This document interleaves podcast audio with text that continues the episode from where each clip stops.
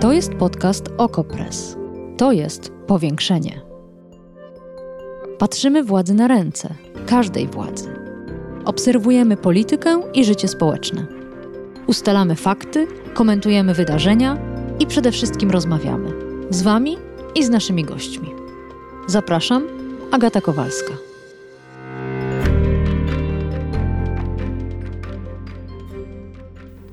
Środowym powiększeniu na żywo gościli posłowie Sławomir Nitras z Koalicji Obywatelskiej i Magdalena Biejat z Lewicy.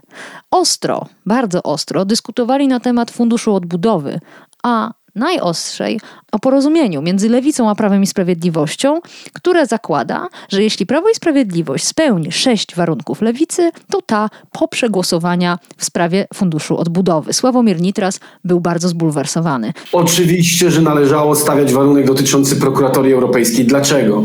Dlatego, że Który? to był. Czym prokuratura europejska służy temu, że jeśli ktoś kradnie europejskie pieniądze, to prokurator europejski ma siłę to ścigać.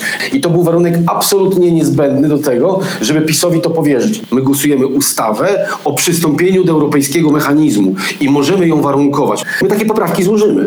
My tam wpiszemy postulaty, które mówią o gwarancji niezależności Rzecznika Praw Obywatelskich. Magdalena Biejat. Znaczy, pan poseł mówi, że będzie zgłaszał poprawki do, y, do tej umowy, ustawy ratyfikacyjnej. Oczywiście te poprawki poprzemy. No to po prostu ja w tej chwili. y, Ale ja nie rozumiem. y, Szczerze, Te sześć warunków, które się na które się umówiliście z premierem Morawieckim, to jest już pewna zamknięta pula. W Sejmie będą się toczyć bitwy, to jasne, ale rozumiem, że tamte warunki dały gwarancję PiSowi, że lewica poprze, poprze głosowanie. Nie, nie, nie, nie. Te warunki są pierwszym elementem, który nas przybliża do tego, żebyśmy mogli poprzeć. I chciałabym, żeby to O. również bardzo wyraźnie to wybrzmiało. jak nie, to? No, przepraszam. My Powiedzieć. to bardzo wyraźnie mówiliśmy. Po pierwsze, te y, warunki muszą się pojawić w KPO i muszą zostać wysłane do Komisji Europejskiej. Po drugie, dopóki nie zobaczymy ostatecznego kształtu y, y, umowy ratyfikacyjnej, nie będziemy o niczym decydować. Cała rozmowa dostępna jest oczywiście w archiwum powiększenia na stronie Okopres albo w aplikacjach do podcastów. Natomiast co ciekawe, w tej rozmowie pojawiło się bardzo wiele kwestii, które wymagają dodatkowego komentarza. Nie było możliwości, żeby zająć się nimi w czasie godzinnej audycji z posłami, ale na szczęście taka możliwość jest w tym odcinku powiększenia. Zapraszam.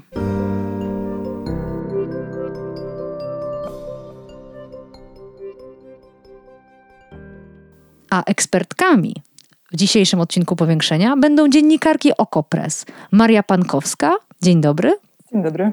i Agata Szczęśniak. Dzień dobry.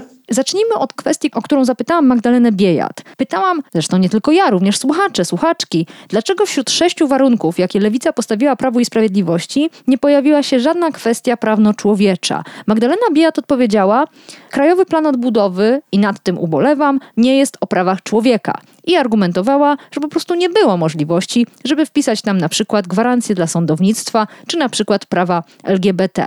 Czy rzeczywiście tak jest? Maria Pankowska. Mm, Znaczy to, to jest y, złożona kwestia, tak nie da się jednym zdaniem odpowiedzieć na to pytanie. Z jednej strony y, Magdalena Biej trochę ma rację, w tym sensie, że mm, Krajowy Plan Odbudowy to nie jest taki dokument, w którym na- można zapisać wszystko. Co nie zmienia faktu, że pewnością można zapisać y, bardzo wiele różnych rzeczy, które mogą też dotyczyć na przykład sądownictwa. Mm, Warto zauważyć, że ten Krajowy Plan Odbudowy powinien się odnosić do zaleceń Komisji z semestru europejskiego, a jednym z tych zaleceń dla Polski ostatnich y, była e, właśnie reforma sądownictwa, to znaczy przywrócenie e, takiego sądownictwa, które gwarantowałoby, że będą, będzie dobry klimat inwestycyjny w Polsce. I polski rząd w tym pierwszym projekcie KPO się odniósł do tego tak, że zmiany w sądach nie mają wpływu na, na ten klimat inwestycyjny. Więc no tutaj wydaje się, że Lewica mogła coś więcej zapisać, mogła mm, te swoje postulaty jakby zgłosić trochę szerzej. Ale e, też nie jest tak, że mogła zgłosić absolutnie wszystko, bo to jednak powinno się odnosić albo do tych zaleceń, albo do tych długofalowych celów Unii, czyli zielonej transformacji, e, transformacji cyfrowej, czy mm, tych takich e, działań na rzecz zwiększenia odporności gospodarki. Mhm. To jeszcze pytanie do Agaty Szczęśniak. Czy w takim razie przyczyna jest polityczna? Czy to znaczy, że absolutnie nie było szans, żeby y, na przykład gwarancję dla sądownictwa lewica wywalczyła? Szczerze mówiąc, jak się patrzy na warunki formułowane przez inne siły opozycyjne, to tam też nie ma postulatów dotyczących kwestii prawno-człowieczych.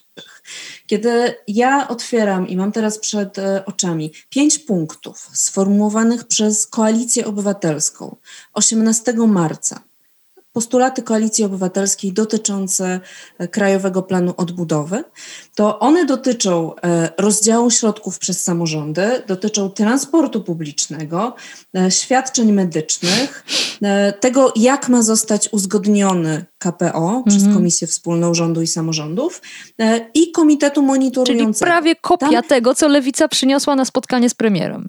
Dokładnie tak. A o czym to świadczy? Zdrowie, zamiast mieszkań jest transport, e, no jest komitet monitorujący, tak. nie ma praw kobiet. Ale o czym to świadczy Trybunału twoim zdaniem? Konstytucyjnego Dlaczego? I tak dalej. To, to, jest kwestia takiego wyważenia faktycznie, co jest możliwe, a co nie jest możliwe. Magdalena Białat ja powiedziała myślę, w środę, że, że po prostu z pisem nie da się rozmawiać o praworządności, nie da się rozmawiać o prawach człowieka, że w ogóle to nie, ma, nie należało tego kłaść na stole. No i po części ma tutaj rację. No, zauważmy, Platforma Obywatelska e, tak samo oceniła tę sytuację. Nie zaczęła od wypisania na pierwszym miejscu przywróćcie legalny Trybunał Konstytucyjny. Wycofajcie się z decyzji TK w sprawie aborcji. To nie jest napisane na slajdach na pierwszym miejscu.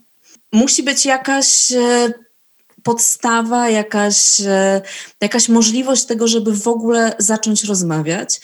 I lewica wydaje mi się, że słusznie uznała, że tą podstawą do rozmowy są bardzo konkretne sprawy, które hmm. można faktycznie załatwić. Natomiast tu pojawia się znak zapytania, bo, je, bo tego nie można było, od tego nie można było zacząć, od krzyczenia legalny trybunał, prawa kobiet. Pytanie, czy nie można było na tym skończyć? I czy nie jest tak, że w trakcie tych rozmów, które jak wiemy z doniesień różnych mediów trwały od pewnego czasu, czy jednak nie można się było trochę rozepchnąć i na coś innego dodatkowego umówić? To od razu zacytuję posła Nitrasa, który w środę w powiększeniu mówił, że była platforma, w, którą, w którą można by było wpisać dodatkowe postulaty. Tą platformą miałaby być ustawa ratyfikująca, czyli ta ustawa, która zezwala prezydentowi ratyfikować nową umowę z Unią. Czy rzeczywiście, mhm. tu kieruję pytanie do Marii Pankowskiej, do takiej ustawy można by było nagle wpisać, jak chciałby Sławomir Nitras, niezależność Rzecznika Praw Obywatelskich albo przystąpienie do prokuratury europejskiej?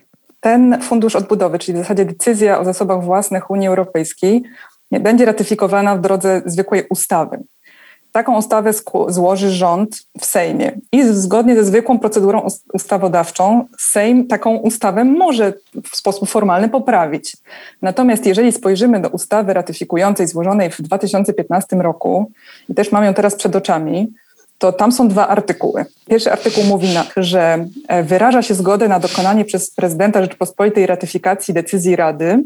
Artykuł drugi. Ustawa wchodzi w życie po upływie 14 dni od dnia ogłoszenia. A Sławomir Nitras mówi na to w środowym powiększeniu, zachęcam do posłuchania całej rozmowy, dodatkowe paragrafy pewnie chodziło mu o artykuły. Dodatkowe artykuły, tak. które będą mówiły, warunkujemy tę ratyfikację tym, tym, tym i tym. To jest prawnie możliwe?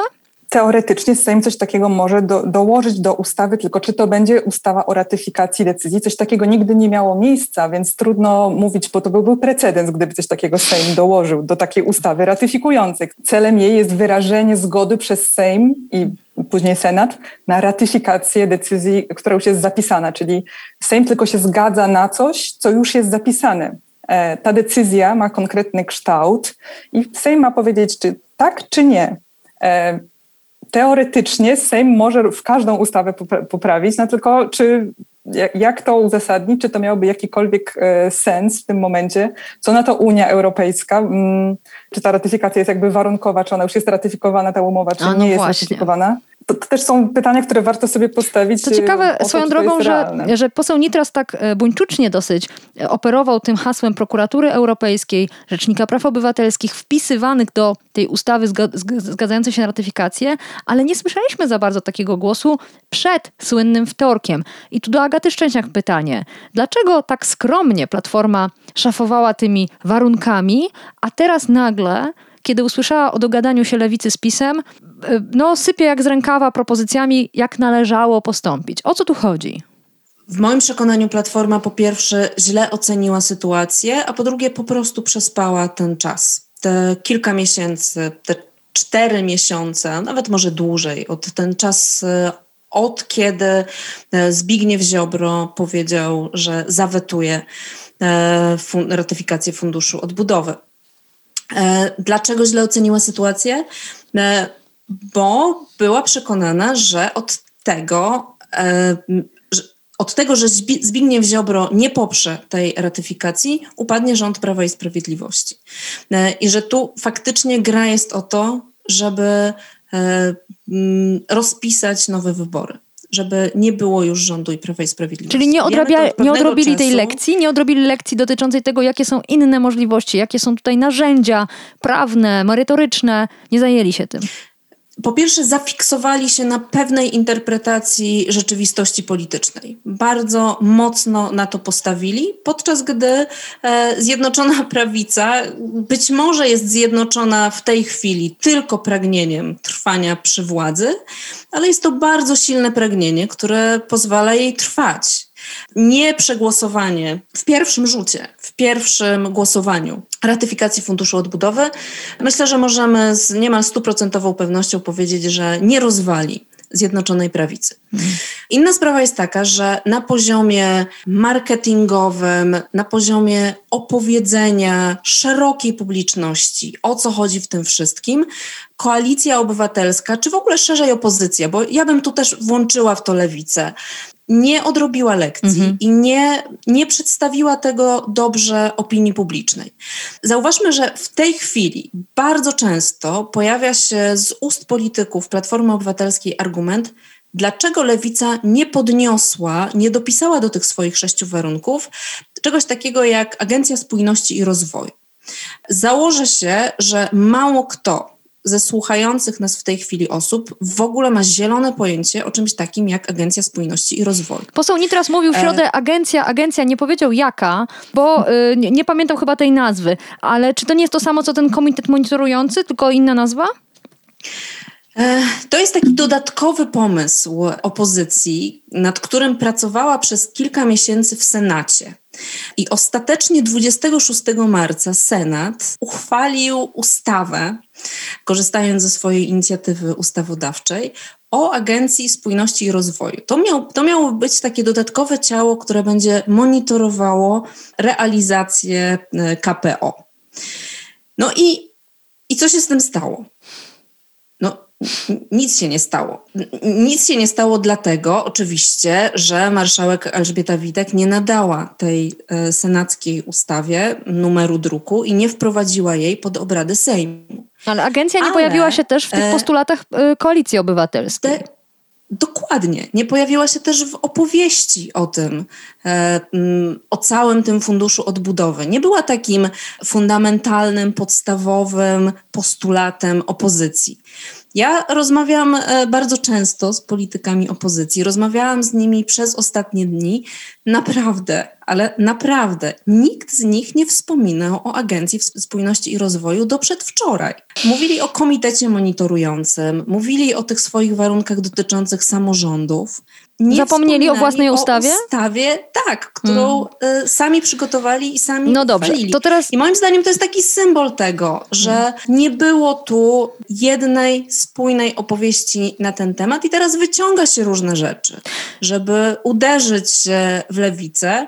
Można dyskutować, pewnie o tym będziemy jeszcze dyskutować, na ile ten ruch lewicy był sensowny, ale nie jest tak, że opozycja była świetnie politycznie, e, strategicznie, narracyjnie przygotowana i, i jakoś w bardzo gładki, dobry sposób e, prowadziła narrację, opowieść wokół Funduszu Odbudowy. To teraz przejdźmy do tej prokuratury europejskiej, o której Maria Pankowska chciała parę zdań powiedzieć. E, no, prokuratura europejska to rzeczywiście jest temat teraz taki bardzo nośny. Od kiedy Rzecznik Praw Obywatelskich i jego zastępca publikowali w Rzeczpospolitej taki artykuł nawołujący do tego, żeby PiS dołączył do PiS, czyli Polska, dołączyła do, do, tego projektu. E, coraz szerzej się o tym mówi. Natomiast przez długi czas nikt o tym nie mówił, mimo że ten projekt istnieje od 2017 roku. No Jak i... to? Brzmiał wczoraj Sławomir Nitras tak, jakby Koalicja Obywatelska od dawna to postulowała. Znaczy, ja nic o tym nie wiem, ale, ale mm, może to były jakieś takie mm, cichsze postulaty niż obecnie. A ma rację przynajmniej Natomiast... w tym, że twierdzi, że to rozwiązało wiele naszych problemów, jeśli chodzi o ewentualne malwersacje przy pieniądzach unijnych? Zdecydowanie Polska powinna dołączyć do tej prokuratury, mm, natomiast tak jak też pisaliśmy w Okupres, no ta, ta, ta decyzja się nie podoba ze względu na to, że to by oznaczało większą kontrolę Unii nad e, polskimi śledczymi, a jak wiemy, polscy śledczy dużej, chyba już teraz większości, są podporządkowani politycznie Zbigniewowi Ziobrze, który no, po prostu pryncypialnie się sprzeciwia wszystkim tym funduszom i wszystkim całym, całym tym wzmacnianiu Unii. A, bo teraz warto sobie uzmysłowić, że Unia Europejska nie ma uprawnień prokuratorskich obecnie. Może jakby wykazać, że mamy jakieś malwersacje, natomiast już ściganie tego leży w gestii prokuratur krajowych. I powstanie tej e, prokuratury europejskiej mogłoby, e, spowodowałoby to, że śledczy europejscy zajmowaliby się takimi rzeczami, jak na przykład złe wydawanie funduszy unijnych czy e, inne malwersacje. Także zdecydowanie Polska powinna dołączyć i to jest słuszny postulat, natomiast nie jest to moim zdaniem postulat, który da się zapisać w KPO z tego względu, że czym jest KPO? To jest mhm. dokument, w którym Polska ma pokazać, jak wyda pieniądze z, z Funduszu Odbudowy nie dam się tam zapisać absolutnie wszystkiego, e, chociaż jest to słuszny postulat i mhm. można było miękko, oczywiście, tak jak też Agata e, Szczęśniak mówiła, naciskać na PiS, czy też może w pewnym momencie podczas tych negocjacji dodać, że a może byście dołączyli w takim razie, skoro to ma być dobrze monitorowane. No tak, ale Magdalena. Biejat chyba słusznie wskazywała, że jeśli czegoś nie da się później dobrze skontrolować, czyli realizacji tego, to po prostu te, takich postulatów nie wysuwano i tu chyba bym się z nią zgadzała. Kolejna kwestia... Wtedy by się dała ograć. E, no tak, dokładnie. E, kolejna kwestia to jest e, zarzut Sławomira Nitrasa, że dogadanie się lewicy z PiSem zamyka coś, co nazwał negocjacjami samorządów i trzeciego sektora z rządem. I między innymi Sławomir Nitras stwierdził, że Fundacja Batorego i Fundacja Stocznia wydały oświadczenia protestujące przeciwko decyzji lewicy. Mówił Sławomir Nitras, oni piszą, jakie mają do was pretensje. Czy rzeczywiście Fundacja Batorego ostro skrytykowała lewicę? Z tego co ja wiem, to wydali oświadczenie, w którym apelowali do premiera, żeby pokazał końcowy projekt y, KPO bo pierwszy zobaczyliśmy w lutym, pod koniec lutego. Wtedy rozmaite organizacje mm, krytykowały ten projekt, zgłaszały swoje uwagi. Był etap konsultacji społecznych, który się skończył z końcem marca. No i od tego czasu te organizacje z niecierpliwością czekały, żeby zobaczyć, czy ich postulaty zostały ostatecznie uwzględnione. A we wszystkich Dlatego... krajach to tak wygląda? Czy jest na przykład kraj, w którym to się dzieje live, na żywo można oglądać? Na jakim etapie jest dokument? Jakie zmiany do niego wprowadzono? Czy to wszędzie mm. jest podobnie jak w Polsce? Jest tak, że są takie kraje, które to zrobiły znacznie lepiej. No chyba tam z tego co pamiętam, Estonia całkiem dobrze um, pracowała nad tym bardzo transparentnie, nad tym KPO. Natomiast są też kraje, które robią to jeszcze gorzej niż Polska. O, na naprawdę? Przykład, tak, na przykład Belgia w ogóle nie pokazała swojego KPO.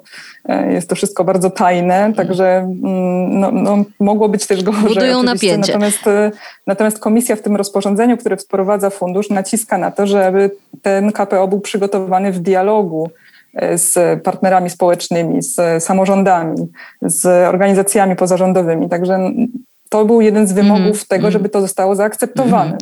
To jeszcze jedno e, pytanie, ja do, powiem... właśnie, do, jedno pytanie do Agaty Szczęśniak, być może naiwne. Po co Sławomir Nitras opowiada takie rzeczy publicznie, jak to, że Fundacja Batorego krytykuje lewicę, skoro to jest nieprawda? Ja powiem mocniej niż Maria, to jest jawna nieprawda, to co powiedział Sławomir Nitras. To oświadczenie e, Fundacji Batorego i, mm, i różnych innych, czy opublikowane przez Fundację Batorego, a e, stanowisko różnych organizacji, -hmm. zostało po prostu opublikowane tego samego dnia, kiedy e, do stołu zasiadła lewica i premier Mateusz Morawiecki, ale nie jest ono skierowane do lewicy, to jest apel do rządzących, to jest apel do Rady Ministrów. No to po co te kłamstwa? I no, e, to jest dobre pytanie, to jest e, duże pytanie. Moim zdaniem po to, żeby skompromitować lewicę, pokazać, że jest e, oderwana od społeczeństwa. Ale to tak łatwo sprawdzić. Opowiadanie że... nieprawdy, którą tak łatwo sprawdzić, kompromituje tego, kto opowiada tę nieprawdę. Ale kto sprawdza, e, kto, do kogo jest skierowany apel ja, e, ja, powiem, ja wiem kto. Magdalena Biejat. Na, nie, nie, nie. Ja to sprawdzę. Nie, nie, nie. Na żywo, na żywo w rozmowie w powiększeniu Magdalena Biejat w trakcie rozmowy ze Sławomirem Nitrasem sprawdziła to oświadczenie i próbowała prostować. Nie wiem na ile udanie, na, nie wiem na ile to się przebije, to tu już Państwa odsyłam do tej rozmowy. Proszę słuchać i zobaczyć, jak jej się to udało. No dobrze, to jeszcze jedna kwestia bardzo ważna. Pieniądze dla samorządów. Jednym z sześciu warunków lewicy jest 30% środków unijnych skierowanych do samorządów. Sławomir Nitras na to. Samorządy nie dostaną żadnych pieniędzy. Samorządy dostaną tylko pożyczki. Wszystkie pieniądze pójdą do spółek Skarbu Państwa, na energetykę, na PKP i biorąc pod uwagę, kto nimi zarządza, to uważam, że te pieniądze w dużym stopniu zostaną zmarnowane. Dwa pytania do każdej z Was. Pierwsze do Marii Pankowskiej. Czy rzeczywiście jest możliwość taka, żeby samorządy otrzymały wyłącznie pożyczki, nisko oprocentowane pożyczki, a twarda gotówka trafiła do e, spółek Skarbu Państwa? Znaczy, zacznę od tego, że pieniądze, czy z pożyczek, czy z grantów, to te same pieniądze, mm, wciąż, wciąż pieniądze. Także jeżeli nawet samorządy dostaną z pożyczek, to i tak bardzo dobrze. Jednakowo Natomiast, opisane w KPO, jednakowo precyzyjnie. Znaczy, na razie KPO chyba w ogóle tej części pożyczkowej, przynajmniej w tej wersji, którą ja jeszcze widziałam, tej lutowej i tak dokładnie sczytywałam. No właśnie. Nie odnosił się do no części właśnie. pożyczkowej. Także, no to o czym to świadczy? No tak, to jest niepokojące? No, jeżeli nawet mniej e, środków trafi do samorządów z tej części grantowej, to rząd może dołożyć e, środki e, od siebie. Tak na przykład Francja robi. Traktuje mm, Fundusz Odbudowy jako jakieś pieniądze z Unii, ale dokłada swoje pieniądze, żeby móc te reformy jeszcze ambitniej potraktować. Ale Także to nie jest jakby zarzut tak, że... Sławomira Nitrasa oczywiście opiera się na doświadczeniu związanym z Funduszem Inicjatyw Lokalnych, czyli on sobie wyobraża to tak, że samorządy, zwłaszcza te, w których mm, rządzi Platforma Obywatelska, nie dostaną e, dobrych pieniędzy, tylko dostaną, jeśli już to te nisko oprocentowane pożyczki. Na dodatek e, być może wszystko, wszystko to będzie opisane dużo bardziej ogólnie niż ta twarda gotówka, jak to nazywam, która e, jest opisana w KPO. Czy to jest w ogóle możliwe, no, taki scenariusz? Mm, znaczy, Unia ma możliwości kontrolowania tego, jak te pieniądze będą wydawane. E, to nie jest tak, że Polska będzie mogła komukolwiek te pieniądze oddać na cokolwiek tylko e, cały czas będzie to monitorowane przez Komisję Europejską. Polska będzie musiała wykazywać, że pewne kamienie milowe jakby realizuje dzięki tym pieniądzom. I to też będzie działać tak, że my nie dostaniemy tych wszystkich pieniędzy odgórnie, dostaniemy na początku 13%, taką zaliczkę, a potem sami będziemy finansować różne reformy i przesyłać Brukseli e, faktury za to i e, każdorazowo te faktury będą oceniane, czy projekt jest sensowny, mhm. czy projekt realizuje cele, czy projekt pomaga samorządom, jeżeli się będzie niesprawiedliwie jakoś rozdzielane będą te pieniądze, no to komisja będzie mogła, będzie ma, ma prawo, jest to zapisane w rozporządzeniu, wstrzymać te wypłaty, domagać się tego, żeby to było robione zgodnie z prawem no to, i, i sprawiedliwie. To jeszcze jeden fragment z wypowiedzi Sławomira Nitrasa. Nie będziecie kontrolować tych wydatków, mówił do pani poseł Biejat. Powiem pani dlaczego. Zgodnie z zasadami Funduszu Odbudowy rząd Morawieckiego do wydatków tej bezzwrotnej pomocy będzie mógł zakwalifikować wszystkie koszty na walkę z COVID, które poniósł od lutego 2020, czyli na przykład całą tarczę. Będzie mógł zaliczyć do tych pieniędzy i nic im nie będziecie mogli zrobić. Czy to jest prawda? To jest też nieprawda i mówię to z całą mocą. W rozporządzeniu wprowadzającym fundusz jest rzeczywiście zapisane, że część wydatków, które państwa członkowskie poniosły od lutego 2020, będzie można zakwalifikować do funduszu odbudowy, czyli do refinansowania z funduszu, ale tylko jeżeli te środki będą realizować unijne cele, które są w tym rozporządzeniu też zapisane. Tylko wtedy będzie można się domagać tego finansowania z Unii tych przeszłych projektów. Więc to nie jest tak, że cała tarcza zostanie nagle sfinansowana i już nic nie zostanie na to, co jest teraz. To jest absolutna nieprawda. Czy do tej kwestii samorządów i pieniędzy chciałaby Agata Szczęśniak coś dodać? Czy na coś jeszcze tu powinniśmy zwrócić uwagę? Mnie się wydaje, że Platforma Obywatelska buduje taką, próbuje budować taką opowieść wokół siebie, że jest jedyną obrończynią samorządów w Polsce i próbuje e, zepchnąć lewicę, pokazać, że lewica jest oderwana od organizacji społecznych, oderwana od samorządów. Problem polega na tym, że przez te miesiące, które minęły od momentu, kiedy zaczynamy debatować o Funduszu Odbudowy, Platforma nie pokazała się realnie jako współpracująca z tymi samorządami e, i przedstawiająca ich postulaty. Ja sobie wyobrażam, że tak wielka partia i tak e, mocno związana z samorządami, mająca tak e, popularnych i dobrze prezentujących się w sferze publicznej samorządowców, taka partia mogła wokół Funduszu Odbudowy, wokół KPO zrobić wielką kampanię e, i objechać Polskę, pokazać, to należy zrobić, to należy zrobić, na to należy dać pieniądze, na to przed przeznaczyć pieniądze, przesunąć te środki. PiS chce z nimi zrobić nie wiadomo co, chce wydawać na swoją kampanię wyborczą, a my mamy pomysł, w jaki sposób my byśmy te pieniądze wydali. Dlaczego oni tego nie Coś zrobili? takiego się nie dokonało. Ale dlaczego? Zamiast tego, zamiast tego widzieliśmy polityków, którzy e, się kłócili na Twitterze, którzy opowiadali cały czas znowu o tym, jak PiS się strasznie kłóci między sobą, którzy chodzili do telewizji, którzy podgryzali siebie nawzajem. No, nie wykonali tej pracy, którą zresztą e, zaczęli wykonywać w dniu, kiedy rozmawiamy, bo to w dniu, kiedy nagrywamy tę rozmowę, Platforma Obywatelska pojechała do Rzeszowa. Tam zaczęła mówić rzeczy, które wydaje mi się, że mogłaby mówić w ciągu ostatnich miesięcy. Ostatnie pytanie do Marii Pankowskiej. Mm, termin na złożenie projektu KPO mija za trzy dni, e, ale wygląda na to, że nie dotrzymamy terminu, będzie chyba trzeba złożyć czynny żal. Więc realnie ten plan kiedy powinien być gotowy i czy rzeczywiście pozostaje pole jeszcze do dyskusji, czy samorządy, czy trzeci sektor mają jeszcze wpływ na to, co tam będzie wpisane? Ja też chciałam zaznaczyć, że to, to stanowisko Platformy Obywatelskiej wobec samorządów no, teraz wydaje się dość dziwne ze względu na to, że jednak samorządy, choć krytykowały KPO, no to bardzo naciskały na to, żeby te jednak pieniądze do Polski trafiły, a obecne stanowisko no, wydaje się, że Platforma chce ten cały fundusz wstrzymać. Ale dopiero nieda- od niedawna. Wcześniej też była za pieni- tymi pieniędzmi z Unii, więc. Ale co, co z tym KPO? Konsultacje społeczne zakończyły się w marcu. Teraz Komisja Europejska poprosiła rząd jeszcze w połowie kwietnia, żeby poprawił trochę KPO.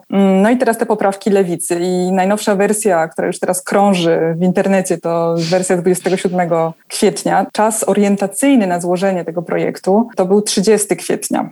I już kolejne KPO do Brukseli spływają. Teraz już jest chyba 5 czy 6 złożonych to wciąż dużo mniej niż 27, ile jest państw Unii Europejskiej. Warto zaznaczyć, że no oczywiście ten termin był orientacyjny, więc jeszcze jest jakiś czas, natomiast Unia bardzo mocno naciska, żeby jak najszybciej te plany złożyć, ponieważ ma w rozporządzeniu zapisane dwa miesiące na zaopiniowanie tych projektów. Potem jeszcze te projekty będą pod dyskusję Rady Euro Unii Europejskiej przekazane, także to wszystko będzie trwało, a wszystkim zależy na tym, żeby te pieniądze jak najszybciej uruchomić. I teraz już te terminy orientacyjne to są sierpień, jeśli oczywiście będzie ratyfikacja, bo jeszcze jest cały temat ratyfikacji, oczywiście. prawda? Która, Ale innymi słowy, można powiedzieć, że trzeci sektor, samorządy wciąż mają wpływ na ten, na ten KPO Polski, dlatego że komisja bardzo uważnie słucha, co się ukazuje w polskich mediach, co wydają w swoich oświadczeniach czy różnego rodzaju opiniach organizacje pozarządowe. W związku z tym, mimo że termin konsultacji społecznych już minął, to wciąż przecież ten głos jest słuchany prawda? Dopóki, dopóki dokument nie został wysłany, zdecydowanie warto e, przedstawiać swoje postulaty, naciskać na rząd, bo no, czas wciąż jeszcze jest, dopóki plan nie pojechał do Brukseli. Odsyłam Państwa do Okopres, tam więcej tekstów na ten temat. Sprawę śledzą Maria Pankowska i Agata Szczęśniak, które były gośćmi tego odcinka Powiększenia. Dziękuję ogromnie za rozmowę. Powiększenie. Podcast Okopres. Prowadzenie Agata Kowalska. Podcast znajdziesz na stronie Okopres i w Twojej ulubionej aplikacji do podcastów. Redakcja Okopres działa od 2016 roku. Jesteśmy obywatelskim narzędziem kontroli władzy, obecnej i każdej następnej. Okopres utrzymuje się z Waszych darowizn. Wesprzyj nas, byśmy mogli działać dalej.